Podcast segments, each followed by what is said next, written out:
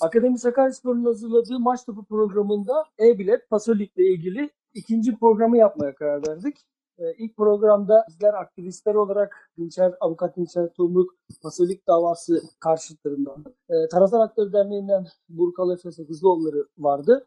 E, ve biz Pasolik'le ilgili endişelerimizi, kaygılarımızı, bugüne kadar yaşadıklarımızı, tecrübelerimizi, bununla bu Pasolik'e karşı verdiğimiz mücadeleyi aktivistler olarak ele aldık. Ancak bu programda yeni bir konuğumuz olacak Gökhan Çakmak. Yüksek lisans tezini Pasolik'i inceleme üzerine e, objektif olarak bir bilim adamı olarak e, bakıp olumlu ve olumsuz yönlerini ele almaya çalışan bir akademisyen arkadaşımız. Hoş geldin Gökhan sen de. Hoş bulduk. Şimdi ilk programda bizler gerçekten Pasolik'e şöyle baktık. Ülkemizde futbolda şiddet var dendi. Şiddet önlemek için işte insanların bilgilerini bir banka ele alıyor. Ondan sonra banka yetmiyormuş gibi 6222 sayılı yasayla kolluk güçleri de işin içerisinde girip e, insanların kimlik bilgilerini, ticari bilgilerini hiç gereksiz farklı kurumlarla paylaşıyorlar. Kredi kartı çıkartıyorlar. Kredi kartına para yüklemek için değişik e, noktalardan ekstra ücretlendirmeler yapıyorlar. Ve Aktif Bank gibi bir kuruluş da kulüplerimize krediler açıyor, veriyor taraftarlarına. Kulüpleri de bir şekilde ele geçiriyor ve sonunda şu an tabii mevcut sistemde farkına varamayacağımız, anlayamayacağımız bir şekilde aslında ekonomik olarak Türk futbolu tıkanmış durumda. Aynı zamanda şuna bakıyoruz. E, diyorlar ki işte şiddetten dolayı ülkemizde futbol kalitesi düştü. Biz şu soruyu soruyoruz. Ne zaman bir kalite vardı bu ülkede? Ne zaman altyapılar düzgün ele alınmıştı? Sporcu eğitimi, e, vatandaşlık bilgilerine göre ele, ele alınarak kupalar ve şampiyonluklardan ziyade iyi bir insan, iyi bir genç olmak ve düzenli yaşam yani beden terbiyesi olarak futbola ne zaman bakmıştık ki Pasolik'ten sonra bu düzeldi veya Pasolik'e ne zaman gerekliydi? Yani yapmamız gerekenleri yapmış mıydık da futbolun kalitesini düştüğünü sadece orada şiddetten dolayı olduğunu e, e, kanaatine varmıştık. Ve soruyoruz yani evet e, Pasolik'ten sonra bu şiddet olayları azaldı mı? Gerçekten yöntem yasaklar koymak mıydı yoksa eğitimci, eğitici çalışmalar yapmak mıydı? Ben şimdi Gökhan sözü sana vereceğim. Öncelikle tezinle ilgili bize biraz bilgi verirsen e, ondan sonra da değişik sorularla yine Dinçer ve e, Burkal da konuya müdahil olabilirler. Öncelikle herkese merhabalar. Demin de bahsettiğiniz gibi ben de bu konuya işte bilimsel olarak bir yenilik getirmeye çalıştım. Açıkçası bazı şeyleri incelemeye çalıştım. Ee, bilimsel anlamda bu konunun incelenmesi önemliydi. Çünkü gündelik hayatta da haberlerde de olsun, başka mecralarda da olsun çok sıklıkla karşımıza çıkan bir konuydu. Ben biraz tezimden bahsedeyim. Şimdi 6222 sayılı sporda şiddet ve düzensizliğin önlenmesine dair kanunla hayatımıza girdi Pasolik. Hepimiz bu kanun neticesinde tanıştık Pasolik'le. Ve çıktığı günden beri de bir hayli tartışıyoruz. Hem biz tartışıyoruz hem e, medya tartışıyor. Halen daha üzerinde konuşuluyor. Seneler geçti. Ben yaklaşık 500 kişiyle bir çalışma yaptım. 500 tane taraftar katıldı bu çalışmaya. 37 soruluk bir anket formu kullandım. Bu anket formu neticesinde de genel anlamda taraftarların Pasolik'le beraber gerçekleştirilmesi, ya daha doğrusu şöyle söyleyeyim, gerçekleştirileceği belirtilen bazı durumlar var. İşte ne bunlar? Kara borsa ortadan kalkacak, cezalar bireyselleşecek, stadyumda şiddet azalacak vesaire. Bunlar yerine getirildi mi, getirilmedi mi? Pasolik bu vaatlerin yerine getirebildi mi, getiremedi mi? Sorusu sorularına cevap almaya çalıştım. Burada mesela bazı örnekler üzerinden gitmek istiyorum ben. Pasolik cezalar bireyselleşecek diye bir söylem ortaya attı çıkmadan önce. Ancak günümüzdeki uygulanış şekline bakıyorum. Blok kapatma devam ediyor. Tribün kapatma devam ediyor. Yani şöyle düşünmek lazım. Bir dünya para verip kombine bilet alıyorsun. Hiçbir suçun günahın yok. Tek suçun o esnada o blokta oturuyor olmak. Yerinin orada olması. Ve bir sonraki maça ceza alıyorsun giremiyorsun. Yani bu çok absürt bir durum. Bir iki örnekle hemen daha açıklamak istiyorum durumun vehametini. 24-12-2016 tarih Sivas Spor Adana Demirspor maçı. İşitme ve konuşma engelli bir taraftara çirkin ve kötü tezahürattan ceza veriliyor. Yani bunun üstü nasıl bir durum olur bilemiyorum. Yine konuşma engelli taraf kötü tezahürattan ceza veriyorsunuz. Bir ileri boyutu Pasolik Genel Müdürü Ceyhun Kazancı. İki sezon önce oynanan Beşiktaş Konyaspor maçında aynı gerekçeyle yani çirkin ve kötü tezahürat gerekçesiyle ceza alıyor. Kendisi bu durumu şöyle anlatıyor. Bu da katıldığı bir toplantıdan alınma haber. Bu durumu diyor ki 10 yaşındaki yeğenime anlatamadım. Bir sonraki maça gidelim dedi. Gidemeyiz. Çünkü sen küfür ettin dedim. Ben etmedim dedi. İşte hikaye bu. Yani aslında bizim e, Pasolik'te anlatmak istediğimiz Pasolik'le olan derdimiz burada başlıyor. Yani ne vaat ettiler ne yerine getirdiler. Ee, Bunlar sıkıntılı konular. Mesela bir diğer konu kara borsa bitecek dediler. Şimdi durup bakıyoruz. Karşılığı var mı? Karşılığı yok. Ya test sonucunda da bu çıkıyor. Karşılığı yok diyor taraftarlar. Bilet devri denen bir uygulama var ve bu bilet devri uygulamasıyla sosyal medya üzerinden olsun bazı internet siteleri türedi. Onlar üzerinden olsun. İnsanlar çok rahat bir şekilde hiç yüz yüze gelme gereksinimi dahi duymadan para aktarımı ve bilet devrini e, yapabiliyorlar. Bu da bir takım insanlara çok ciddi bir gelir elde etme kapısı açmış oldu aynı zamanda. E, Diğer taraftan baktığınız zaman da yine Pasolig'in vaatlerinden birini daha gerçekleştirememiş olduğunu görüyoruz. Genel anlamda böyle. Şimdi seyirci sayısını da ciddi manada düşürdü başlarda. Ancak sonrasında e, zaman biraz daha ilerledikçe insanlar alışmaya mı başladı diyelim ya da işte 30-40 lirada ne olacak deyip gidip takımını izleme e, duygusu ağır mı bastı diyelim. Bu araştırılması gereken bir konu ama bu tarz düşüncelerle seyirci sayısı aslında Pasolik öncesi dönemlere şu an yaklaşmış durumda. Bu sezon itibariyle yaklaşmış durumda. Buradaki bahsettiğim 30-40 lirada Pasolik kartın yenileme ücreti. E, Benim kendi yaptığım çalışmalar dahil olmak üzere başka birçok bilimsel çalışmada da Pasolik'in e, seyirci sayısını olumsuz etkilediği sonucuna ulaşılmış durumda.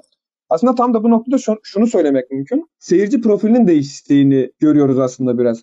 Yani şöyle eskiden sadece takımını izlemek için oraya giden ya da sadece bir maç izlemek için oraya giden insan profili söz konusuyken şu an biraz daha iş skor severliğe dönmüş durumda. Yani takım iyiyse ya da büyük bir takımla maçı varsa tribün bir şekilde doluyor. Ama bir Anadolu takımıyla bir büyük takımın oynadığı durumda ve maç büyük takımın sahasındaysa genelde tribünlerin boş kaldığını görebiliyoruz. Çünkü şöyle bir durum var. Pasolik sahibi kişi sayısı bir hayli fazla. Yani yaklaşık olarak 4 milyon 420 bin civarında Pasolik sahibi insan var ama bunun tribüne etkisi çok düşük. Bunu söylemek mümkün. İlerleyen konuda da ben Pasolik'in biraz maddi boyutuna girmek istiyorum. Onu da isterseniz biraz sonra devam edeyim. Ee, Burkal şöyle bir durum var. Tabii Pasolik e, ilk ortaya çıktığında seyirci sayısı ne kadar düştüyse de daha sonradan seyirci sayısında bir görülür bir artış olduğu iddia ediliyor. Ancak az önce e, Uğur Özgür arkadaşımız da bu arada program yapılırken soruları da alıyoruz bir yandan. Sorulardan birinde şunu söylüyor. Yani e, Pasolik'in yarattığı yeni bir taraftar modeli var diyor. Bunu e-bilet öncesi yani Pasolik öncesi kağıt bilet dönemiyle kıyasladığımızda gerçekten görmemiz mümkün. Yani taraftar hakları olur, derneği olarak e, yaşanan sorunlara baktığında veya Pasolik öncesi e, taraftar e, modelini düşündüğümüz, profili düşündüğümüzde senin gözlemlediğin gerçekten artık takımını destekleyen taraftar yerine maç seçen, heyecan seçen veya atmosfer görmeye giden, o günkü durumu e, şahit olmaya giden modele doğru mu gidiyoruz? Yani bir taraftarlıktan ziyade bir e, seyirci, müşteri durumu artık e, yavaş yavaş oluşuyor mu? Belki de Pasolik'in en gizli planlarından biri de buydu. Sana bu soruyu yöneltmek istiyorum. Metin çok güzel bir soru bu. Şöyle değerlendirmek lazım bu soruyu. Yani Pasolik başlı başına zaten bir önceki programda da e, konuştuğumuz gibi taraftarı müşteri olmaya öteleyen bir pozisyon. Yani taraftara bir banka kartı almayı, e, kulübünün başında anlaştığı transferler yapan başkanın e, Pasolik'le yaptığı anlaşma çerçevesinde yıllık e, bilançosunu ödemeye programlı bir müşteri profili yaratıyor zaten. Pasolik'in anlamı bu. Pasolik zaten bir banka kart. Yani her ne kadar şey gibi düşünsek de, düşünse de bu şekilde lanse edilse de Pasolik bir, bir banka kartı. Her şeyden öncesi Pasolik sadece bir banka endeksi. Aktif Bank adında telafi banka endeksli bir banka kartı. Bu banka kartını almadan stada girmemizin, girmemizin bir koşulu yok. Her şey bir yana sadece bu çerçeveden bakarsak yani çok basit denklemlerde kur- kur- kurarsak Pasolik nedir? Bir banka kartıdır. Bu banka kart aktif banka aittir. Tatyma şeydir, Süper Lig'inde ve bir alt ligindeki e, birinci maçlara girmek bir banka kart dersek zaten olay kendi kendine açığa çıkıyor. Pasolik bir banka kartıdır. Tribünlere girmek için tekeldir ve bu taraftarlar da tribünlerin renklerine, takımlarına bağlı olan taraftarlar da bu kartı almakta bir müşteri pozisyonu ötelenmiştir. Ya bunda tanım olarak bir sıkıntı yok. Hal böyleyken şunu düşünmek lazım. Gerçekten düşünmek lazım. Pasolik e, Türkiye tribünlerine, Türkiye tribünlerindeki taraftar gruplarına ne katıyor? Bunu düşünmek lazım. Ne katıyor? Şimdi çok yakın bir zaman içerisinde yani bir gün önce bu ülkenin futbol endüstrisinin sunabileceği en üst ürün olan bir Beşiktaş Fenerbahçe derbisi yaşadık. Pasolik ne sunuyor? Yani taraftarlar aylar boyunca kendilerini ifade etmek istedikleri, kendi stadyumlarında, kendi takımlarının maçında kendilerini ifade etmek istedikleri tribünlere pankartlarını sokamıyorlar. Bir hafta boyunca işte İl Güvenlik Kurulu'yla, valilikle, kulüp yönetimleriyle istişare ediyorlar ve 3 ay boyunca pankartlara sokuyorlar. Yani bu noktada neyi konuşmamız gerekiyor? Bu, bunları çok detaylandırmamız gerekiyor. O söyledik iyidir, kötüdür, yanlıştır, doğrudur. Onda he- her birimizin bir, mutlaka bir fikri var ama Pasolik ne vaat ediyor? Anlayamadım bu arada ya. var. Pasolik tek başına bir kart veya tek başına bir uygulama da değil. Yani endüstrileşen futbolda ülkemizde taraftarların yani bir finansal kurum haline gelen kulüplere karşı vereceği tepkileri de engellemek, onları deşifre etmek, fişlemek, kim olduklarını, nerede olduklarını, herhangi bir karşı görüş veya tribünlerden ses gelirse kulüplerin şirketleşme ve katı bir şekilde sadece kulüp olarak bakma modeli yükseldikçe tabii ki kulüplerin gerçek sahibi olan taraftarlardan da bir ses, ses çıkacağını e, muhakkak veya Pasolik uygulamacıları. Bu düşünceme göre şu soracağım sana. Benim düş engellemek, ürkütmek, korkutmak, sindirmek üzere oluşturulan bir şey Pasolik. E, çünkü baktığımızda bugün sindirdiklerini ve çok güçlü olduklarını hissediyorlar. Çünkü artık kişilerin artık yaptıkları park sitelere, ondan sonra ne bileyim stadın etraflarında, stat yollarına, geliş şekillerine, oralara bile cezalar kesme e, durumları oluşmaya başladı. Yani Pasolik'i gerçekten bir e, bir baskı unsuru olarak görüyor musun? Ve sorunun ilk e, ana e, e, noktasına gelirsek, Pasolik'le birlikte oluşan yeni bir taraftar modeli var mı? Yani Pasolik işte bu bu bu model üzerinde Var. bununla ilgili gördüğümüz örnekler var mı yani tribünlerden taraftar hakları derneğine ulaşmış bilgiler var mı? Onu. çok güncel bir örnek. Biraz önce de bahsettiğim Beşiktaş-Fenerbahçe derbisi. Yani bu ülke e, futbol endüstrisinin vitrine koyduğu maçlardan biridir Beşiktaş. Fenerbahçe maçları. Şimdi bu maç öncesinde Beşiktaş taraftarının 3 ay boyunca el emeği gözünde hazırladığı bir pankart var. Zafere kadar daima yazıyor yazdıkları pankartın Türkçesinde. Şimdi hal böyleyken baktığımızda ya pasolik alan, kombine alan şunlara girmek lazım. Bu ülkenin bahsettiğim bu maçta tribüne kombinesi hariç bireysel olarak net alan, net olarak girmek isteyen taraftarın ödediği miktarlara da bakmak lazım. Sadece, sadece pasolik değil yani e, tartışmamız gereken. Yani 600 liradan 1500, 2000 liralara, 3000 liralara kadar ulaşan net miktarları var. Şimdi hal böyleyken bu endüstriyi pompalayan, bu endüstriye can veren, yeri gelince sadece parasıyla değil, kanıyla, canıyla, emiyle, zamanıyla, e, hayatıyla bu endüstriyi, endüstriye can veren taraftarlar gördük ki 3 ay boyunca el emeği, göz nuru hazırladıkları bir pankartı kendi stadyumlarına sokamadılar. Ha soktular. Da provasını yaptılar, pankartı açtılar. Evet. Çünkü Metin bunu iyi bilirsin. Yani Hı hı. devasa pankartı açmak için sürekli stadyumda prova yapmak gerek. Provayı yaptılar. Şimdi Dinçer şöyle bir şey var. Ee, ben şahsım şahsım adına değişik ülkelerde maçlara gidiyorum. Ondan sonra futbol gerçekten değişti. Yani bu değişikliğe karşı çıkabiliriz, yanında olabiliriz ama benim e, güzel e, e, bulduğum bir yer var. Ben e-bilete karşı değilim. Pasa Lig'e karşı. Artık bunu Türkiye'deki taraftarların da bir şekilde tartışma.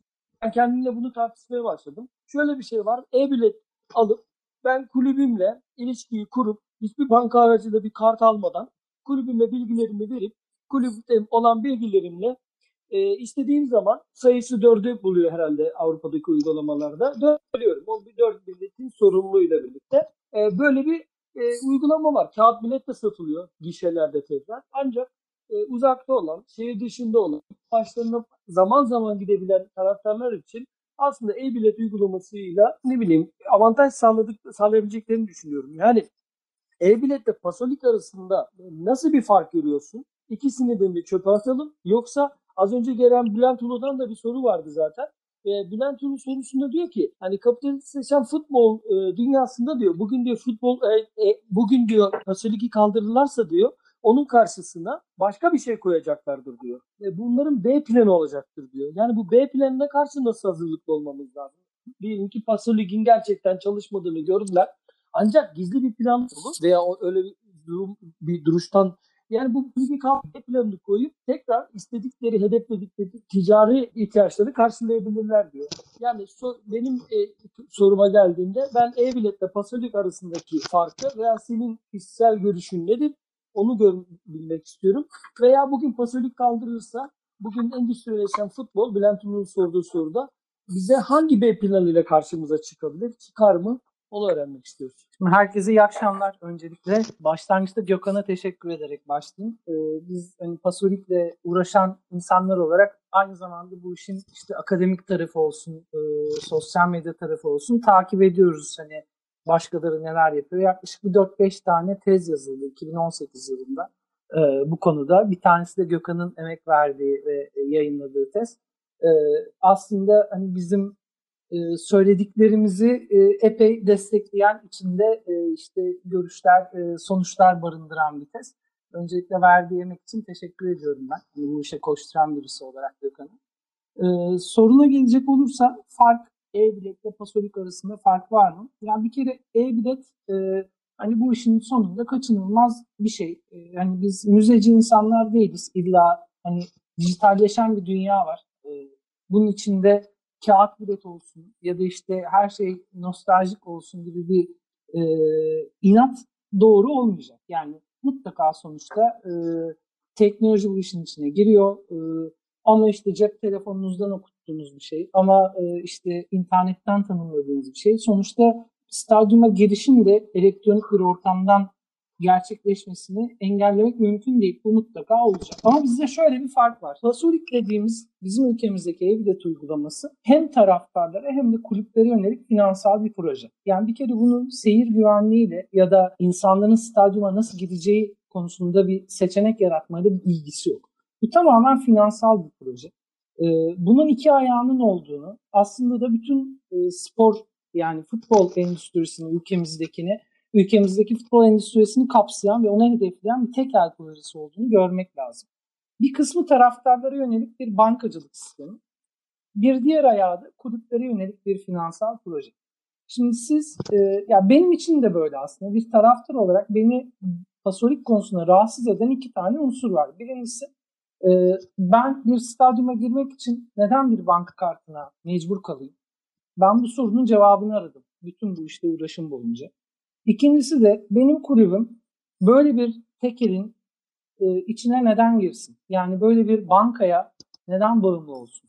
E, çünkü bu işin kulüp ayağı daha da fecaat. Biz bugüne kadar her zaman taraftar ayağıyla biraz derneğimiz vesilesiyle ve e, dava vesilesiyle taraftar ayağıyla çok bunu gündeme getirmeye çalıştık. İşte kişisel verilerin uygunsuz şekilde paylaşımı, depolanması, işte bir bankaya mecbur kılınması taraftarların bunu çok dile getirdik ama asıl büyük tehlike kulüplerin bu bankaya mecbur kalışı, kulüplerin bu bankaya kredi anlamında, stadyum gelirleri anlamında bağlanması, bu tek elin içine girmesi.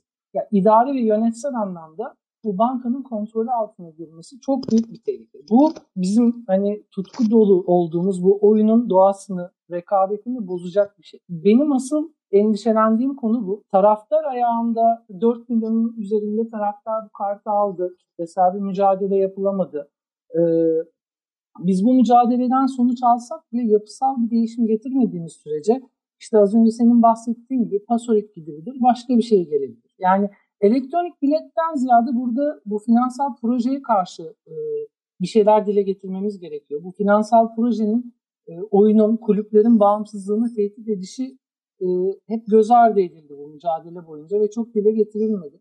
E, dikkat edersen bu konuda bir tartışma olduğunda ya da işte bir e, gerek federasyon tarafında gerek aktif bank tarafında bu konuyla ilgili e, anlatımlar hep stadyum güvenliğiyle sınırlı kalıyor. Oysa ki bunun finansal proje tarafıyla yani kulüplere yönelik e, kredi, stadyum gelirlerine yönelik e, organizasyonlar bunlarla ilgili hiçbir şey dile getirilmiyor. Oysa ki bu işin arkasındaki kar amacı tamamen kulüplere yönelik finansal projeyle ilgili.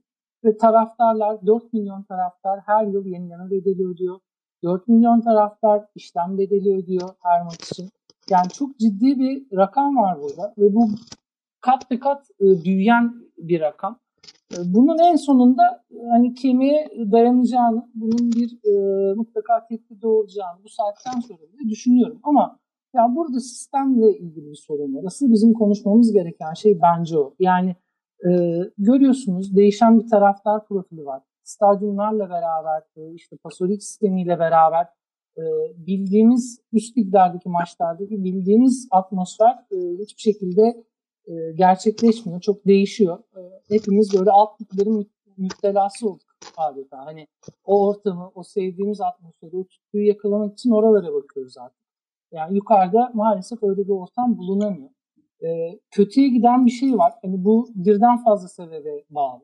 E, işte stadyumların değişmesi, bilet fiyatlarının artması, pasolik sisteminin getirdiği zorluklar bunların hepsi üst üste binerek yeni bir profil doğurdu. Yeni bir taraftar cinsi doğurdu diyelim. Ee, buna maalesef kitlesel bir tepki verilemedi. Ya bunun hepsini konuşmamız lazım. Neden verilemedi, neden bu hale geldi?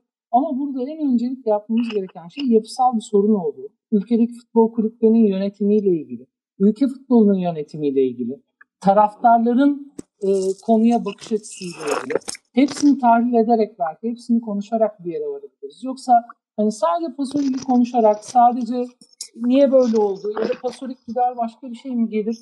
Bununla sonuç alabileceğimizi düşünmüyorum. Geçen konuşmamızda da biraz detayına girmeye çalışmıştım. Burada yapısal bir sorunumuz var. Ee, işte taraftarlar, kulüp yönetimi, bunun içine taraftarlar ne kadar girmeli? Bunun üzerine kafa yormamız lazım. Bir de e, bir manzara var şu anda. İşte e, kulüpler bir batağın içinde, ekonomik krizin içinde. İşte proje takımları iki ligimizde de biliyorsunuz birinde Başakşehir, birinde Osmanlıspor lider şu anda. Yani proje takımlarının e, götürdüğü bir durum var şu an ortada. Yani hiçbirimizin içine sinen bir şey değil. Çünkü biz futbolu, oyunu hani taraftarıyla, o temaşasıyla o şekliyle seviyoruz. Hani bu mevcut durum maalesef hepimizi hayal kırıklığına uğratan ya da moralimizi bozan bir manzara. E, Bunu da görmemiz lazım. E, Bunun bir yere götürmeyeceğini de görmemiz lazım. Başkalarının da bunu görmesi lazım. Bunu anlatmamız lazım. Bilmiyorum soruna cevap olabildi mi biraz? E, dağıttım mı ya da ama yani Yok bence burada- biraz daha dağıtmamız gerekiyor zaten. Burada yani çok- buyur. şunu yani özellikle senin sorundan yola çıkarak evet e-bilet, pasolik birbirinden farklı şeyler. E-bilet günümüz e, işte teknolojik gelişmeleri karşısında kaçınılmaz bir şey. Ama pasolik hem taraftarlara hem kulüplere yönelik bir proje. Bunun kulüp ayağını da taraftar ayağını da ortaya koymak gerekiyor. İnsanların da bunu bilerek buna tavır almaları gerekiyor. E, tavır alamazlarsa da e, yani bir şekilde bunun değişmesi gerekiyor. Bunun mücadelesini ve anlatımını yapmamız gerekiyor. Dinçer senin söylediğin gibi e, Türkiye futbolu büyük ekonomik kriz içerisinde. E, bu ekonomik krizi açmak için e, Gökhan Türkiye Futbol Federasyonu bir açıklama yaptı. 31 Ocağı kadar kulüpler e, borçlandıkları kurumları teker teker listeleyip federasyona verecekler ve federasyon da Ziraat Bankası aracılığıyla ve diğer bazı e, özel iştirakçılar aracılığıyla bütün kulüplere kredilendirmeyi yapıp kulüpleri bu borç götürmeyi e, taahhüt etmişti. Ancak aynı Pasolik gibi belli şeyler taahhüt edildi. Şimdi 31 Ocak'ta geçti. Ne bir kulüp soruyor federasyona kardeşim benim borcum bu hadi beni bir yapılandır. Ne de federasyondan kulüplere niye bize borçlarını bildirmediniz diye bir şey var. Ne de bir gazeteci oturup o kadar programlar yapıyorlar televizyon programları. Hiçbirinde söylenmiyor. Yani ne oldu bu vaatler? Neler söylendi? Yani birazcık hani gerçekten Türkiye futbolu bir oyuncağa mı döndürüldü? Hem krizlerle hem yönetimsel olarak yapılan hatalarla. Yani bu bu kredi taahhütüyle Paso Ligi de bir araya koyduğumuzda ekonomik olarak e, sen nasıl görüyorsun yani Türkiye futbolunun içinde bulunduğu durumu? Şimdi şöyle güzel bir konuya değindin aslında. Ee, Ben sorunun cevabına bir soruyla başlamak istiyorum. Ee, Ne değişecek? Yani bir kulübün özel bir bankaya, X bankasına, Y bankasına, Z bankasına borcu olmasıyla Ziraat Bankası'na borcu olması arasında ne değişecek? Sonuçta kulübün total borcu atıyorum 1 milyar dolarsa Ziraat Bankası'na olan borcu da 1 milyar dolar olacak. Yani totalde aslında şuna şu konuda bir çözüm üretmemiz lazım. Kulüplerimizin çok fazla borcu var ve bir borcun temel nedeni e, yöneticilerin iş bilmezliği ya da yöneticilerin başka şeyleri, başka bir şeyler çevirmeleri. Şimdi adını tam telaffuz etmek istemiyorum açıkçası. Şöyle, işin, işin akademik boyutuna girdiğimiz zaman yönetim boyutunda özellikle yönetimde şöyle bir şey vardır. Bir yöneticinin e, ne kadar yetkisi varsa o kadar sorumluluk sahibi olması beklenir. Bu temeldir. Yönetimde öğretilen temel bir kuraldır.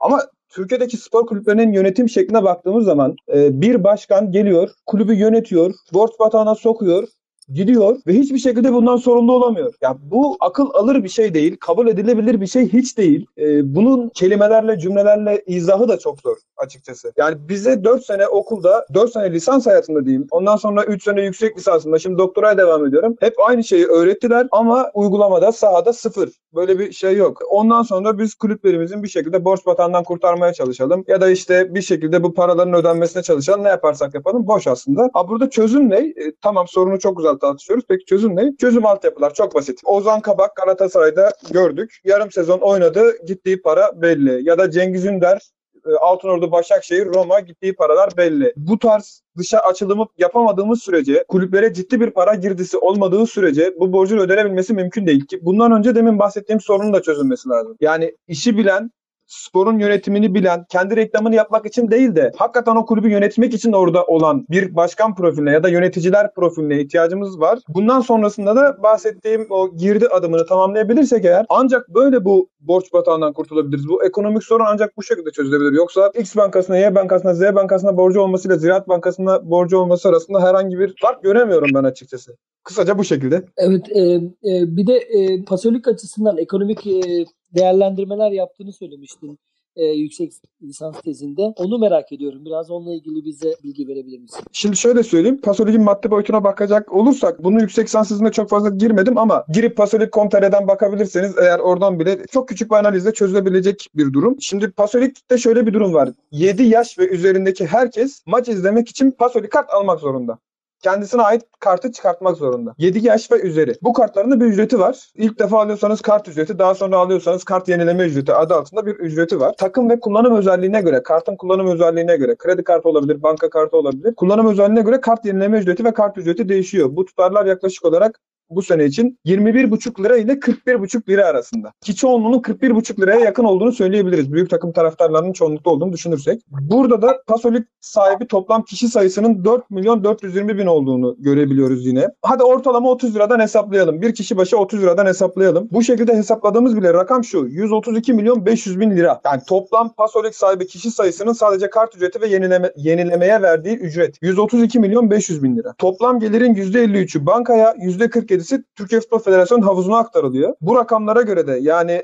benim demin bahsettiğim o yaklaşık 132,5 milyon lira 132,5 milyon lira rakamına göre 70 milyon 225 bin lira bankaya 62 milyon 275 bin lira ise Türkiye Futbol Federasyonu havuzuna giriyor. Türkiye Futbol Federasyonu bu havuzdan %10'luk bir pay alıyor. Yani 62 milyon 275 binin %10'u Türkiye Futbol Federasyonu'nun havuzuna giriyor. Bu da yaklaşık olarak 6 milyon 227 bin lira yapar. Türkiye Futbol Federasyonu'nun aktif bank üzerinden yani Pasolik üzerinden elde ettiği gelir. Aktif Bank'ın 2017 yılındaki net karı ise yaklaşık olarak 178 milyon lira. Yani çok ciddi bir maddi kazançtan bahsediyoruz. Dayanağı nedir? Tabii ki bunun ana unsuru taraftarlar. Bu çıkan paraların e, hepsi taraftarın maç izlemek için ödediği ücretler. E, nereye gider? Nedir? Kim kullanır? Orasını çok kestirmek zor. Kestiremiyoruz. Fasolik'in genel durumu bu maalesef.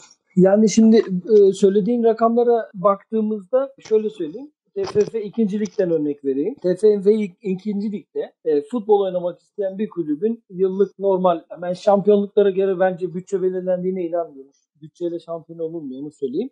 Ancak genel gider, kulüp giderlerine baktığımızda, yıllık ödemelerine baktığımızda 7-8 milyon arası bir futbol kulübünün gideri oluyor yani. Bütün her şeyini ödediğinde işte vergilerini, SSK tribünlerini, e, futbolcu ödemeleri, personel ve altyapıyı da dahil ettiğimizde böyle bir rakam var. Bu rakamı da tecrübelerimle e, yaşadığım Sakaryaspor Kulüp Başkanlığı dönemindeki kazandırmalarla e, size öyle söyleyebilirim. E, buna baktığımızda Aktif Bank e, yaptığı karla TFF 1. Lig beyaz bir grup ve ikinci e, şey, e, kırmızı gruptaki bütün takımların e, maliyeti kadar e, karı elde ediyor yani.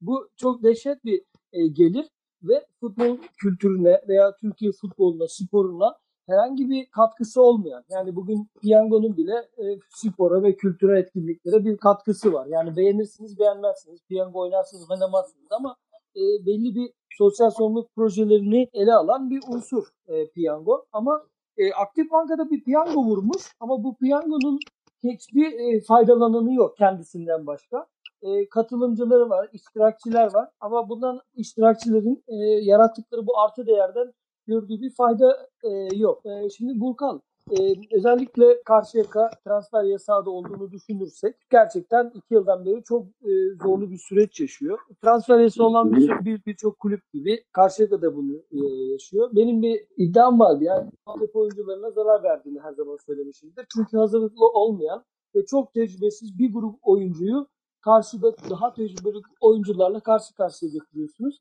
Yani aktif Evet. bank Madem Pasifik'le ilgili böyle bir fay, e, yani alt liglerdeki altyapı e, futboluna e, bu e, kazanımlarından aktarsa iyi bir iyi bir şey olmaz mı yani? Altyapıların güçlenmesi ve altyapılarla birlikte Türkiye futbolunun gerçekten e, anlamlı bir şekilde yol alması açısından iyi olur mu? Yoksa böyle bir faydayı beklediğimizde yok mu diyeceksin sadece? Metin, e, şimdi ben içeri atmak istiyorum. Yani tekrar Paso Lig'e EBT diyorum.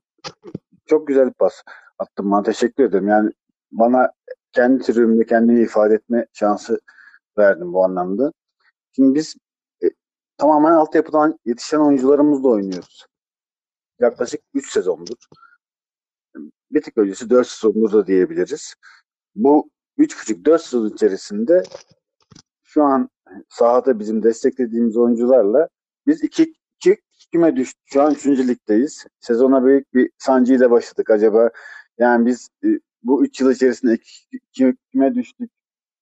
E, bu oyuncularla düştük. Bu kümeye tutunabilir miyiz diye düşünüyorduk. Senin tezin çok değerli. Çünkü sen aynı zamanda futbolun altyapısında bilinen bir insansın. Hem Sakarya'da hem İngiltere'de altyapı konusunda çok değerli çalışmalarım var. Şimdi onu anlatmaya vaktimiz yetmez. O göze baktığımız zaman ben bu sezon başından itibaren o 3 sezon iki küme düştüğümüz çocuklarımızı hepsi bizim altyapımızdan yetişen çocuklarla oynuyoruz, oyuncularla oynuyoruz. Ya iki küme düştük ama bu çocuklara aşığız ya. Çünkü bırakıp gitmiyorlar.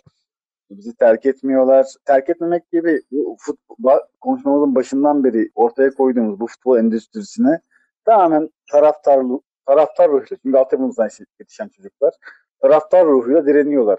Ve aynı zamanda taraftar şeyi de ister yani bu taraftar bahsettiğim taraftar ruhu çok değerlidir. Yani altyapımızdan çocuklarla çocukları izliyoruz falan falan. Bu romantik hikayeler çok değerlidir ama bu çocukların gelişimini de izliyoruz. Şu an tutunuyoruz ligde. Ligde tutunuyoruz. Bana sorarsan bu şekilde bu model çok güzel. Yani altyapıdan yetişen oyuncularımızla bu bahsettiğim çerçevede bir tık iki tık altında U19, U17 maçlarındaki çocuklarımızı da izliyoruz. Şu gözle izliyoruz. Bu çocuklar bizim transfer yasağımız var. Önümüzdeki sezon bizim takımımızda hangi mevkilerde eksiğimiz var, hangi mevkilerde forma bulabilir o gözle de izliyor. Bu bahsettiğim benim matematik, üçüncülükte geçerli olan bir matematik. Bir üst çıkar mıyız, çıkamaz mıyız, transfer yasını aşar, aşarsak, aşamazsak bunlar çok detaylı bir şekilde konuşulabilir. Karşıyaka'ya ayırdığım bu sözlerimi bir parantez içinde kapatıp Dinçer'e pas atmak istiyorum. Çünkü bu benim için önemli. Bursa Spor'un yaptığı, yani Paso Ligi karşı yaptığı bir isyan var Bursa Spor'un. Bence e, farklı takımların başkanlarının yaptığı böyle laf olsun deri gelsin şeklinde isyanlardan bir değil. Gerçekten güzel bir isyan vardı orada. Paso Ligi karşı durdular ama e, bu sisteme karşı çıkamadılar. Ben Dinçer'e şu soruyu sormak istiyorum bu sistem içerisinde, endüstriyel futbol içerisinde, Türkiye şartları içerisinde bir futbol kulübü Paso Lig'e ya da bu e sistemine hayır diyoruz. Ben kendi biletleme sistemi, kendi biletleme operasyonumu gerçekleştireceğim. Kendi sistemimi oluşturacağım ve bu şekilde yürüyeceğim diyebilir mi? Çünkü Paso Lig diyoruz. Paso Lig, ben hep onu diyorum. Paso Lig bu buzdağın görünen yüzü ancak e, temeli çok sağlam, temeli çok kuvvetli bir iktidar mücadelesine dayanıyor. Bir futbol kulübü, bir sadece bir futbol kulübü diyorum. Bu sistemin dışına çıkıp hayır ben bu biletleme sistemini, bu endüstriyel sisteme karşı diyorum. Kendi modelimi oluşturacağım diyebilir mi? Taraftarları işte futbol federasyonunu, hükümeti, iktidarı ayrı koyuyorum. Bir futbol kulübü bunu diyebilirim. Bursa Spor bunu denedi. Başlayayım mı? Dinçer'in bu konudaki görüşlerini merak ediyorum. Şimdi önce Bursa Spor'u o noktaya getiren Lütfen. şey neydi? Ondan biraz bahsetmek gerekiyor. Az önce e, anlatırken e, taraftarlar ve kulüp ayağı, iki tane ayağı var bu işin. Yani bu Pasolik finansal sisteminin iki tane zararlı e, yönü var diye bahsetmiştim.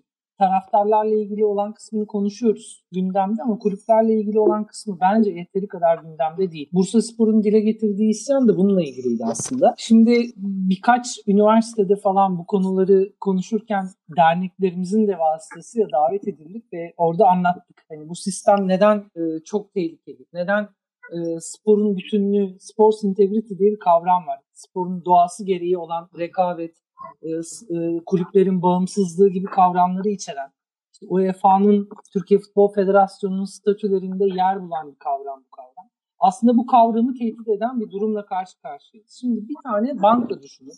Bu banka hem e, bu elektronik bilet sisteminin göbeğinde otursun. Hem 36 kulübe birden bilet aracılık hizmeti sunsun. Hem e, 4 milyon taraftara bankacılık hizmeti sunsun. Aynı zamanda aynı banka gitsin bütün kulüplere kredi versin. Bu kulüplerin çoğu yeni statlarıyla ilgili e, bu bankanın iştiraklerine mecbur kılınsın.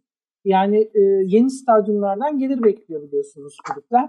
E, Bursa Sporları'nın da açığa çıktığı yer burası. Bursa'nın biliyorsunuz yeni bir stadı, yıllardır bitmeyen bir stadı var, stadyum projesi var. E, oynuyoruz ama hala stadyumumuz bitmedi bu arada. Yani bitmiş değil tam olarak. O da ayrı bir mevzudur.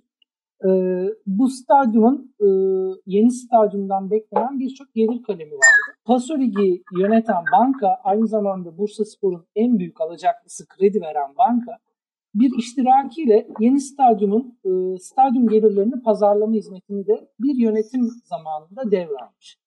E, hem kulübe olduğundan çok daha yüksek faizlerde kredi veriyor bu banka. Aynı zamanda da inanılmaz bir şekilde hak etmediği stadyum gelirlerine ortak oluyor. Burada e, bir dönemki yönetim ve basiretli bir yöneticinin eseridir aslında o Bursa Spor'un isyanı. Artık buna dur dedi ve e, açıkçası Aktif Bank'la ilgili köprüleri attı. Köprüleri atarken de e, hem Türkiye Futbol Federasyonu'na hem Aktif Bank'a bir yazı gönderdi. Ve bu yazıda dedi ki elektronik bilet sistemi yasaya göre zorunlu olan şey elektronik bilet sistemidir. Katolik değildir. E, ben kulüp olarak taraftarlarıma bu sistemi sağlayacağım. E, bunun için bir bankanın aracılığını istemiyorum. E, bununla ilgili bana e, teknik konularda destek verin gibisinden bir yazı yazdı. E, 2016 yılında Mart ayında yazıldı bu yazı. Buna gelen cevap o dönem Bursa Spor'un e, en büyük e, yani en yumuşak karnı stadyum konusundaki belirsizlikti. İşte eski stat e, yıkılmak üzere yeni stada geçilecek. Yeni statta oynanabilecek mi falan gibisinden bir sorun vardı. E, federasyonun o kadar canını yaktı ki bu yazı. Federasyon bu konuda bizi yani Bursa Spor'u bu konuda tehdit etti cevabıyla. Yani Bursa'da maç oynayamazsınıza getirdi bu konuyu devam ettirirsen, bu konudaki e, itirazını sürdürürsen Bursa'da maç oynaman riske girer gibisinden bir yazı yazdı ve e, zaten hani zayıf bir çıkıştı kurumsal irade anlamında. E, bu cevap sebebiyle de çok fazla e, arkasında durulamadı. Şimdi Burkan'ın sorusuna gelecek olursak 36 tane kulüp biliyorsunuz yasa gereği pasolik sistemine tabi. Yani e, Süper ve Birincilik'teki 36 tane kulüp bu e, elektronik bilet sistemini uygulamak zorunda. Ülkedeki elektronik sistemin karşılığı da pasolik sistemi. E, 36 kulüpten birisi e, bu konuda irade gösterirse pasoligin dışına çıkabilir. Neden çıkmasın? Yani bunun hukuken bir engeli yok. Fakat federasyon bu konuda çok sert. E, çıkarmamak için elinden geleni yapıyor. Bursa Spor örneğinde olduğu gibi. Teorik olarak kanun 6222 sayılı yasa, yasada e, hiçbirinde pasolik yazmıyor. Orada bir elektronik bilet sistemi, elektronik kart sisteminden bahsediyor. Bunu herhangi bir kulüp kendi altyapısıyla kurarsa bunu uygulayabilir. Bunun önüne kimse geçemez ve yasal gereklilik de yerine getirilmiş. Fakat e, federasyonun bu konuda ileri sürdüğü mazeret bunun bir merkezi sistem gerektirdiği, bu merkezi sistemin de pasolik sistemini ihale edilen pasolik sistemini gerektirdiği şeklinde. Ama bu dediğim gibi yasal bir zorunluluk değil. Herhangi bir kulüp bunun altından kalkmayı göze alırsa, bu konuda bir irade koyarsa pasolik sisteminin dışına çıkabilir. Ama e, bu teorik olarak e, mümkün olan bir şey. Fiilen federasyon bu konuda çok sert. E, az önce yani az önce bahsettiğim gibi ilk konuşmamda bahsettiğim gibi bu aslında bir e, sportif tekel projesi. Kulüplere yönelik bir tekel projesi. Kulüplerin ekonomik ve idari anlamda zapturapt altına alınmasını hedefleyen bir proje. Bundan kar elde etmeyi amaçlayan bir proje. O proje bunun dışında kimseyi çıkarmaz. Ee, az önce bahsi geçen bir konu vardı. Ziraat Bankası işte e, kulüplerin borcunu yapılandıracak. Sizce kulüplerin en büyük alacaklısı kim? Ya aradan 5 sene geçti bu sistemin uygulamaya girmesinden itibaren. Ya da bu sistem kulüplerin e, ya da taraftarların iyiliği için mi? Burada en büyük alacaklı Aktif Bank. Yıllardır kulüplere inanılmaz faizlerle para veriyorlar. E, kulüplerin stadyum gelirlerine, e, federasyon gelirlerine otomatik temlikler koyuyorlar. İnanılmaz karlı bir iş yapıyorlar. Hani futbol sektörü bir bataklık ülkemizde. Fakat e, bazı garanti gelirleri anlamında da bankalar açısından bu tarz teminatlarla alacağını garantiye alan finansal kuruluşlar açısından da inanılmaz karlı bir sektör. Şu an e, bunun kaymağını yiyor bu banka. E, Ziraat Bankası yapılandırması da bence bunun hani tıkandığı bir noktayı açmaya yönelik bir proje. E, inanılmaz bir e, tahsilat yapacaklar oradan. E, kendi borçlarını, e, alacaklarını e, o portföyü Ziraat Bankası'na devredecekler bu proje sayesinde. Ee, ve hani normalde normal finansal koşullarda elde edemeyecekleri geliri, elde edemeyecekleri faizi bu proje sayesinde elde etmiş oldular. Bunun da devamını getirecekler. Ee, yani bu anlamda bir kulübün tek başına buna karşı çıkabilmesi, bir kulüp yönetiminin tek başına buna bir irade koyabilmesi mümkün değil.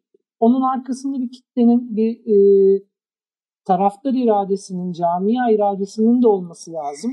Ama yine de e, mevcut sistemin, mevcut ülke futbol yönetiminin buna izin vereceğini ben düşünmüyorum. Hani bu Bursa Spor örneğinde olduğu gibi bir hani şey olur. Sadece bir ateş yanar ve söner.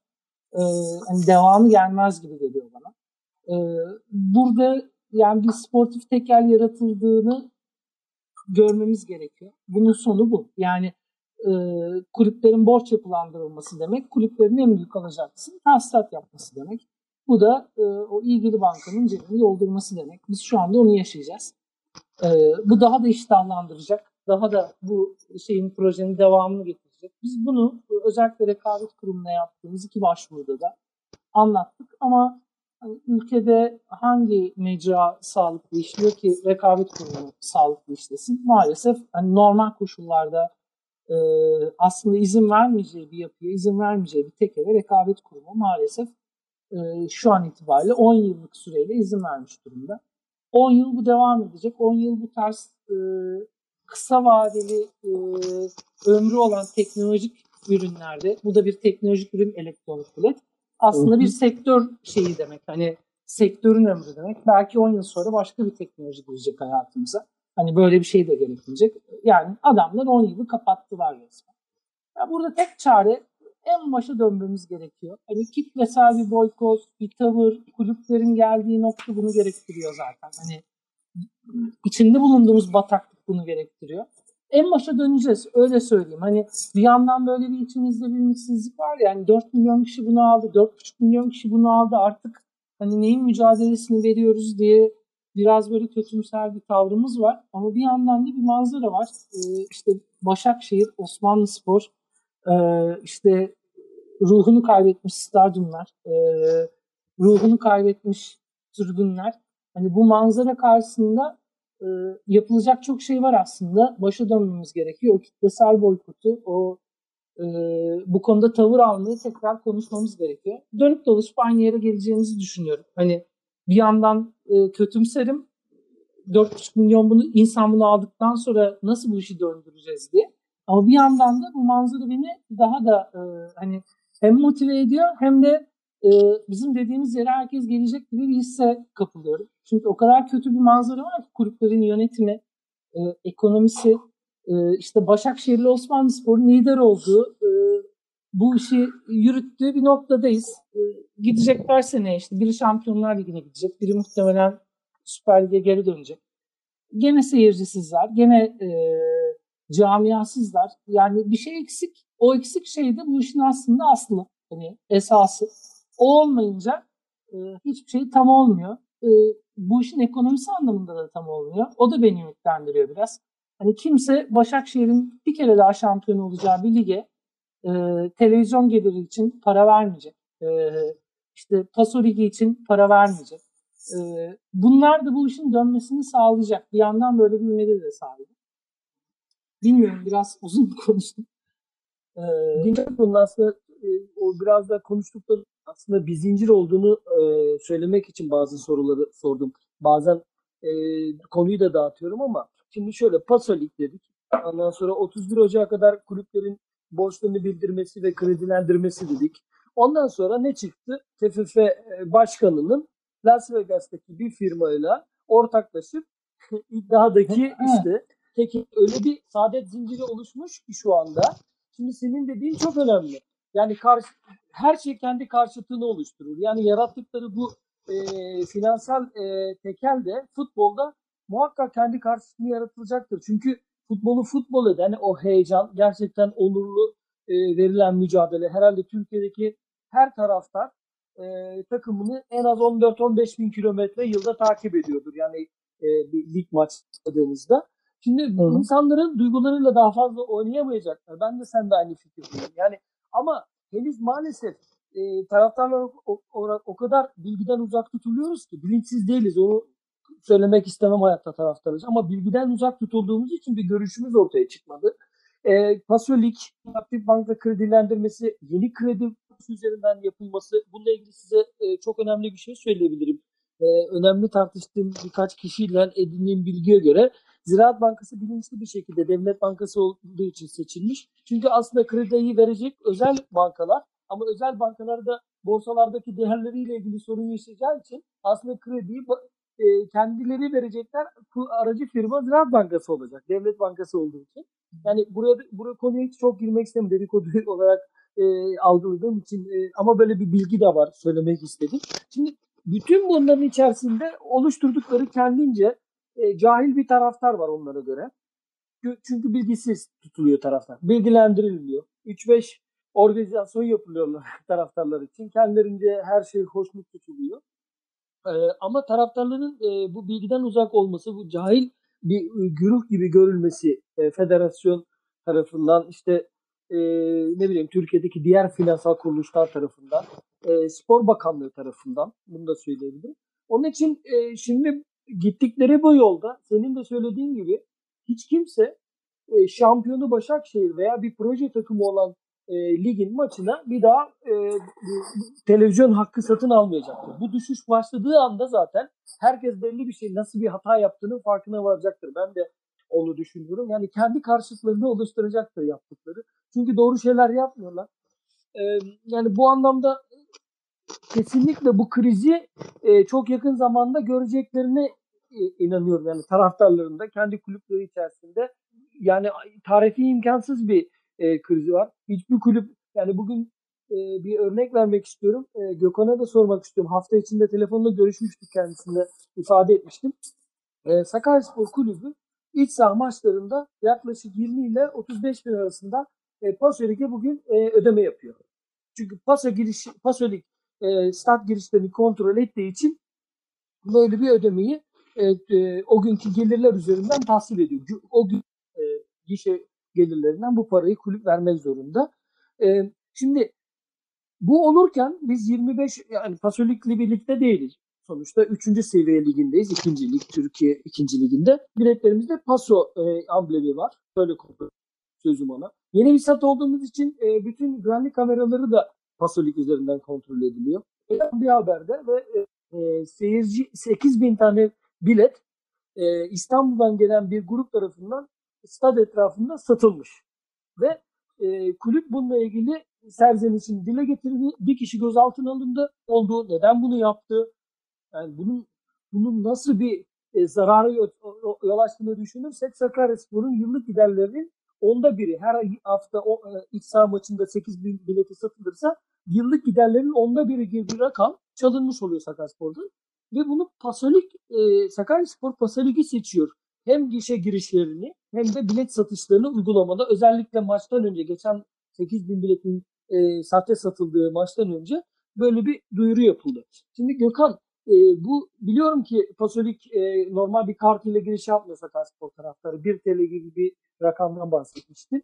E, yani Pasolik'in gerçekten e, hiçbir şeyi engelleyemediğini gördüğümüz halde Sakaryaspor'un ekstra bir ödeme yaptığını gördüğümüz halde e, bir de 8 bin tane biletin satıldığı gibi bir ortam var. Yani gerçekten birileri bizde dalga mı geçiyor yoksa nedir bu durum yani? Bununla ilgili görüşlerini alabilir miyim? Ya şöyle ben son maça da gittim Sakaryaspor'un ama son anda yetiştiğim için o manzarayla karşılaşamadım. O 8000 bilet olayı nedir ne değildir tam olarak bilmiyorum o yüzden. Ee, birileri bizimle dalga geçiyor mu? Geçiyor olabilir. Ee, yani aklı başında böyle biraz olayların farkında olan bir insan için e, bu durumun farkına varmak çok zor değil. İşte bakın demin bir sürü rakam söyledim mesela. Bu rakamlar sadece bir internet sitesinin birazcık kurcalanmasıyla ortaya çıkan rakamlar. Aslında çok basit taraftar bilgiden uzak tutulmaya çalışılıyor ama paylaşılan bilgiler üzerinden bir şeyler öğrenebilmek de çok basit aslında. Şimdi biz Paso niye bu kadar ısrar ediyoruz bütün bunlar ortadayken? İnanın ki bu sorunun cevabını bilmiyorum. Yani çünkü mantıklı bir izahı yok bu durumun. Bana öyle geliyor en azından. Ee, şimdi size desem ki evet bakın şu şu şu güzellik e, tarafları var. Böyle böyle güzel, şöyle şöyle güzel. Yalan söylemiş olurum, içini dolduramam. Çünkü yok. Yani benim gözümde yok öyle bir şey. Ha şuraya dönebiliriz belki. Biraz yine işin komik tarafına döneceğiz ama e, Paso Lig'in ilk çıktığı zamanlarda özellikle büyük takım maçlarını hatırlayacak olursak işte şöyle 4-5 tane koltuğa rahat rahat uzanıp üstüne battaniye atan taraftarlar falan gördük bir ara. Belki bir işte rahat maç izleme konforu sağladığı için e, bir Paso Lig güzellemesi yapabiliriz belki. Onun dışında ben hiçbir şey göremiyorum şu anda. Yani ne şiddeti doğru düzgün önlediği doğru e, ne blokları blok kapatma işte tribün kapatma gibi cezaların önlendiği doğru. Yani cezalar bireyselleşmedi. Ne kara borsayı ortadan kaldırabildi. e, ne kendine güvenen bir taraftar profili yaratabildi ki güven çok önemli bir olgudur. Özellikle bu tarz durumlarda. Yani nereden tutsak elimizde kalan, nereden tutsak sıkıntılı bir sistemin içerisindeyiz ve e, futbol taraftarları da bu sistemin bu sisteme mecbur bırakılıyor. Ya şöyle örnek vereyim kendimden mesela. Ben Pasolik çıktığından beri Pasolik uygulanan hiçbir ligde maça gitmedim. E, gitmeyi de düşünmüyorum. Bu neden kaynaklı? Bu biraz işin bilincinde olmakla alakalı bir şey. Şimdi ben bu kadar çalışma yaptım. Bu, bu kadar verilere hakimim. Bu kadar şeye yazdım. Şimdi tezimi e, okuyanlar olursa merak edenler. YÖK'ün test sisteminde var. Orada çok daha fazlası var. O kadar şeyi yazmış olmama rağmen her anda dönüp bu sistemin içerisine entegre olursam ben ben bu noktada dönüp kendimi sorgularım. O yüzden ayağım gitmiyor, elim gitmiyor, alamıyorum. Çünkü ya hep aynı şeyleri söylüyorum belki ama mantıklı bir tarafı yok gerçekten. Hani garip bir durum var ortada ve e, bunu kabul etmiş yaklaşık olarak 4,5 milyon insandan bahsediyoruz. Bu ciddi bir sıkıntı. Yani Sakaryaspor ya da alt liglerdeki e, takımlara geldiğimiz zaman da orada sadece şey var. Bir biletleme e, durumu söz konusu sadece. Biletler o sistem aracıyla basılıyor. Onun da sebebi şu olabilir. Başka bir sistemle anlaşamamış olabilirler. Çünkü yani Sakaryaspor'un stadı yaklaşık yanlış bilmiyorsam 28 bin kişilik. Yani 28 bin kişilik bilet basmak da şu anda e, tek bilet basıcı olarak Pasolik görüldüğü için e, diğer firmalar tarafından çok rahat bir şekilde e, ortaya çıkabilecek bir şey değil. Özellikle bilet güvenliği de düşünüldüğünde. E, yani ancak bu şekilde açıklayabiliyorum. Başka türlü mantıklı bir açıklaması benim aklımda yok açıkçası. Öyle söyleyeyim. Ya ben aslında şunu da merak ediyorum. Şimdi Pasolik demişken tamam Türkiye Türkiye'deki liglerde Süper Lig'de ve 1. Lig'de bunun 6222 ile alakalı bir durumu var.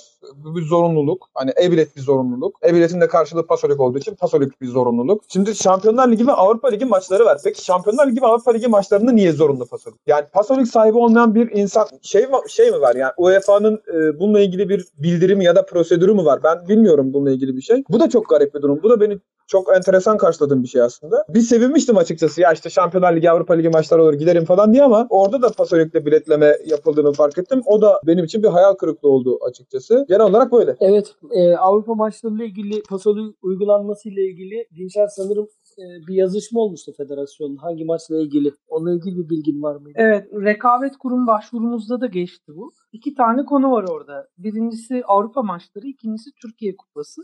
Bu iki organizasyon, yarışma diyelim ya da teknik şeyiyle, e, Pasolik sistemine dahil olmayan kulüpleri de, e, Avrupa maçları yabancı kulüpler, e, Türkiye Kupası e, maçları da alt liglerden kulüpleri barındıran organizasyonlar. E, o yüzden hani bunların normalde Pasolik'e e, zorunluluğu, elektronik bilet zorunluluğu olmayan müsabakalar.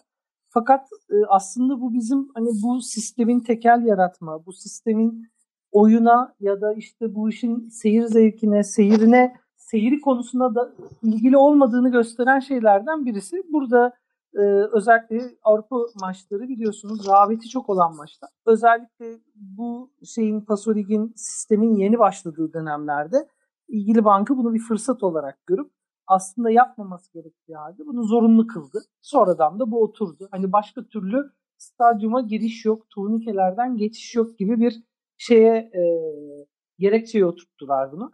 Bu konuda biz gerek rekabet kurum başvurusunda itirazlarımızı ileri sürdük. Gerekse e, ilk e, mevzunun başında taraftar e, taraftar adına, taraftar hakları derneği adına e, ilgili kulüplere ihtar çektik. E, ihtarnameler gönderdik. Hani bu maçlarda bu sistemin uygulanamayacağına dair e, ihtarnameler federasyon da dahil olmak üzere e, bütün ilgililere gönderdik ama hiçbir sonuç çıkmadı. UEFA'ya da bu konuda başvurular yapıldı. Özellikle e, işin işte Avrupa ayağını da kullanarak gerek taraftarın gerek TAD'nin üye olduğu Avrupa kanallarını da e, işin içine sokarak başvurular yaptık ancak hiçbir sonuç gelmedi. Aslında bu sistemin yasal olarak zorunlu olduğu sadece üst ikilik maçlarındaki e, müsabakalar. Onun dışındaki e, maçlarda, organizasyonlarda bu sistemin kullanılmasına dair bir zorunluluk yok. Tamamen kulüplerin inisiyatifinde gibi gözüküyor ama federasyonun ve bankanın zorlamasıyla gerçekleşen uygulamalar bunlar.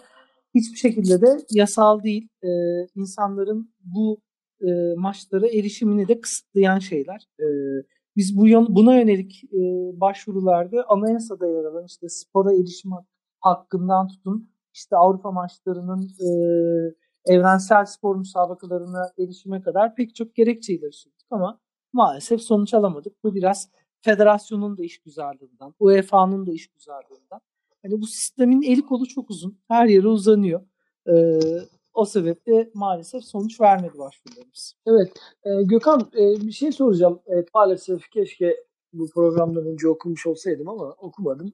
E, sadece belli belli başlı konuları beraber tartıştığımız için e, konuk olup burada bize faydalı bilgiler vereceğini düşünüyorduk. Öyle, öyle de oldu.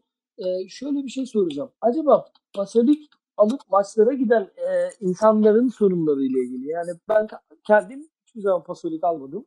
Hiçbir pasolik maça da girmedim. Nasıl bir süreci takip ederek bunu yaptıklarını, nasıl duygular içerisinde bir stada, stada girdiklerini bilmiyorum. Özellikle de pasolikli seviyede takımların taraftarları bir grup arkadaşı pasolik almayı tercih etmediği için dışarıda kalırken kendileri nasıl içeri giriyorlar, nasıl hissediyorlar bunu bilmiyorum. Acaba hiç böyle bir görüşmen oldu mu? Pasolik alıp maçlara giden taraftarlarla onların ne hissettikleriyle ilgili bir düşüncen oldu mu? Yani Pasolik'ten şikayetçiler mi veya memnunlar mı Pasolik alıp maçlara gitmekten? Ya şöyle, şimdi en başta yine bir komik olayla başlayayım cevaba. Şimdi bu sistemin ilk kurulduğu zamanlardaki bir derbiyi hatırlatmak istiyorum. Ee, bir Beşiktaş-Fenerbahçe derbisi Atatürk Olimpiyat Stadyumunda oynanmıştı. Bu gerçek bir olay.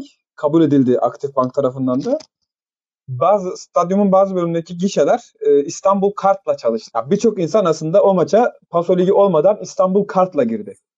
Ya kısa sürede önlem alındı desen dense de e, ne kadar insanın girdiğini tespit etmek çok zor. Yani bu gerçi bir uyanıklık meselesi. İstanbul Kart'ı oraya okutmayı nasıl akıl etmişlerse onu da şuna bağlayabiliriz belki. İkisinin de altyapı destekleyicisi firması Aktif Bank olduğu için oradan bir çağrışımda bulunabiliriz belki. Şöyle devam edeyim. Ben şu an Sakarya'dayım. Sakarya'da ikamet ediyorum ve Sakarya Üniversitesi'nde okudum. Sakarya Üniversitesi'nde Galatasaraylar topluluğuyla bir tanışıklığım vardı. Galatasaraylar topluluğundan pasolik almaya çok ciddi anlamda direnen bir arkadaşım vardı. Buradan organizasyonda Galatasaray'ın iç saha maçlarına gidiyorlardı. Paso Ligi yok. O minibüs de gidiyor stadyumun önüne kadar. Ee, girenler giriyor. Dışarıda kalıyor. Gidiyor yakında bir yerden ya da sanayi var orada sanayi mahallesi. Sanayinin içinde bir yerde e, maçı izliyor.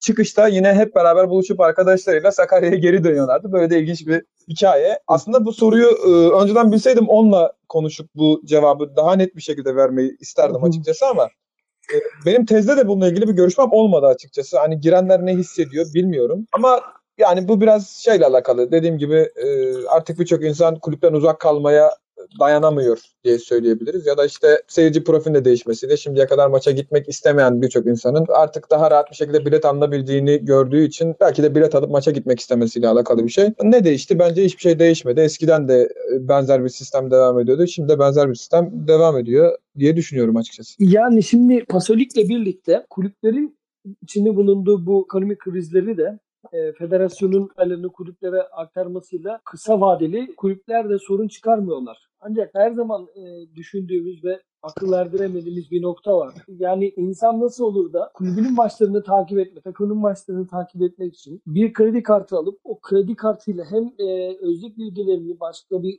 e, ticari kuruma verir. Hem de takımda hiçbir faydası olmayan belli bir ekonomik yapıyı kulübüyle muhatap kılar. Yani bu büyük bir ihtimalle Türkiye'deki taraftar yapısına baktığımızda böyle bir anlayışın gelişmesi için çok uzun yıllar daha önümüzde olduğuna inanıyorum. Yani pasolik konusu dediğim gibi benim açımdan kendi açımdan söylemem gerekiyorsa e, dünyanın teknolojinin ve futbolun geliştiğini gördüğümüz bir yerde e-bilet sisteminin e-bilet yapısının kaçınılmaz olduğunu düşünüyorum.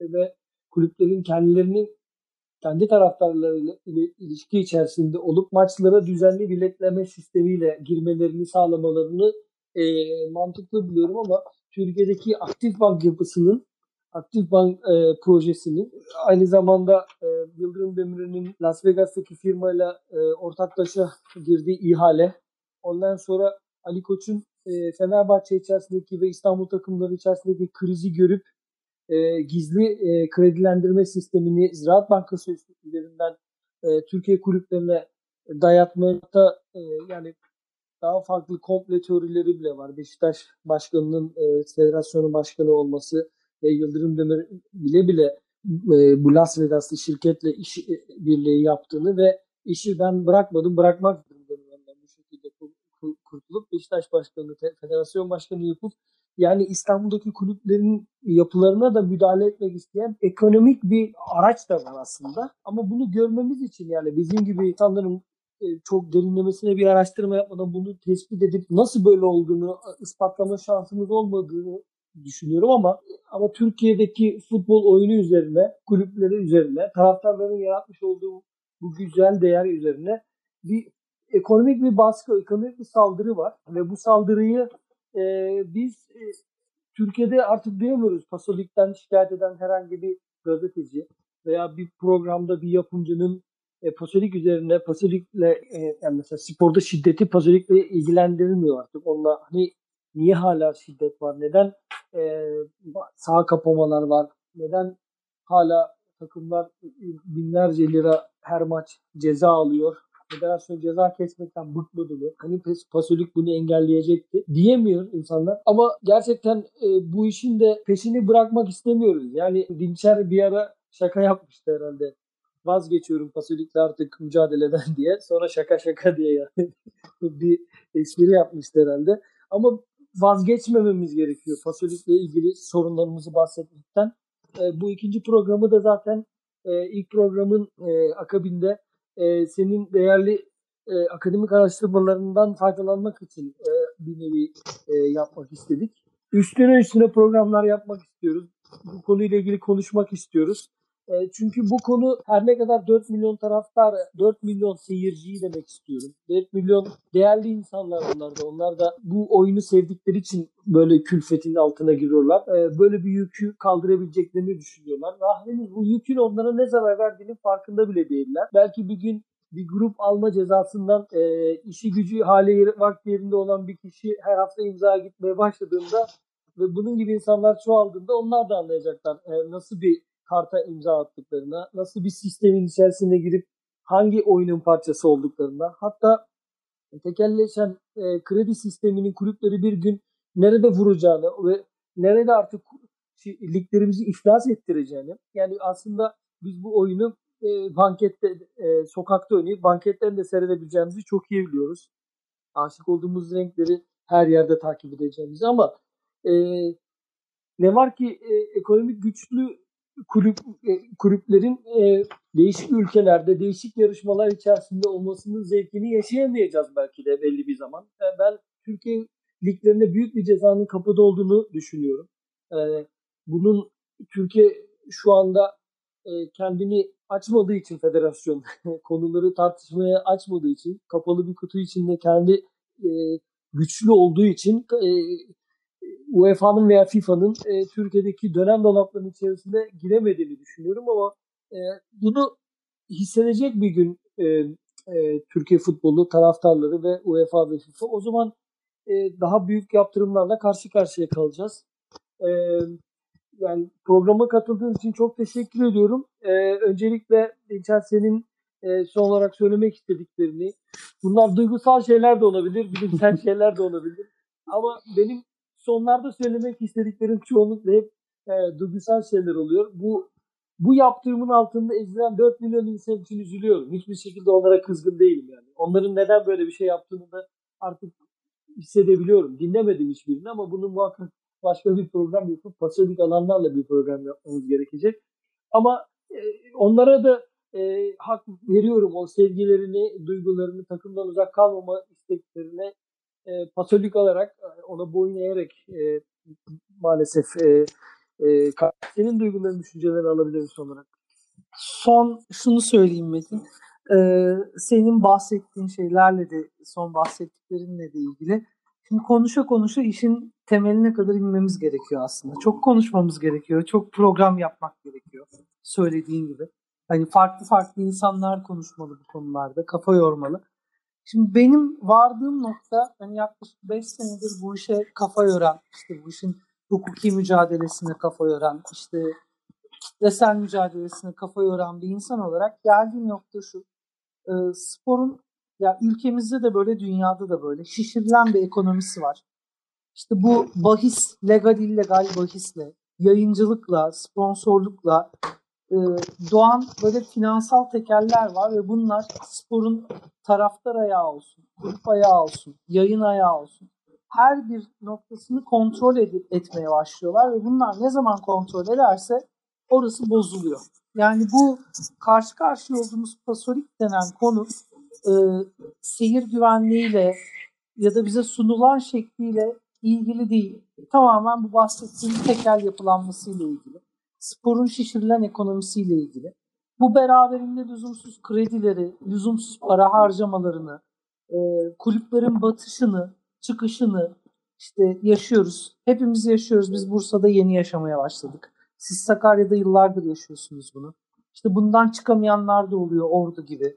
Malatya gibi yeni kulüpler, işte Göztepe'ler, değişik değişik versiyonlarını yaşıyoruz. Yani bu takımlara gönül veren insanlar üzülüyor, kahroluyor, yıkılıyor. Yani duyguyu yaşıyorlar.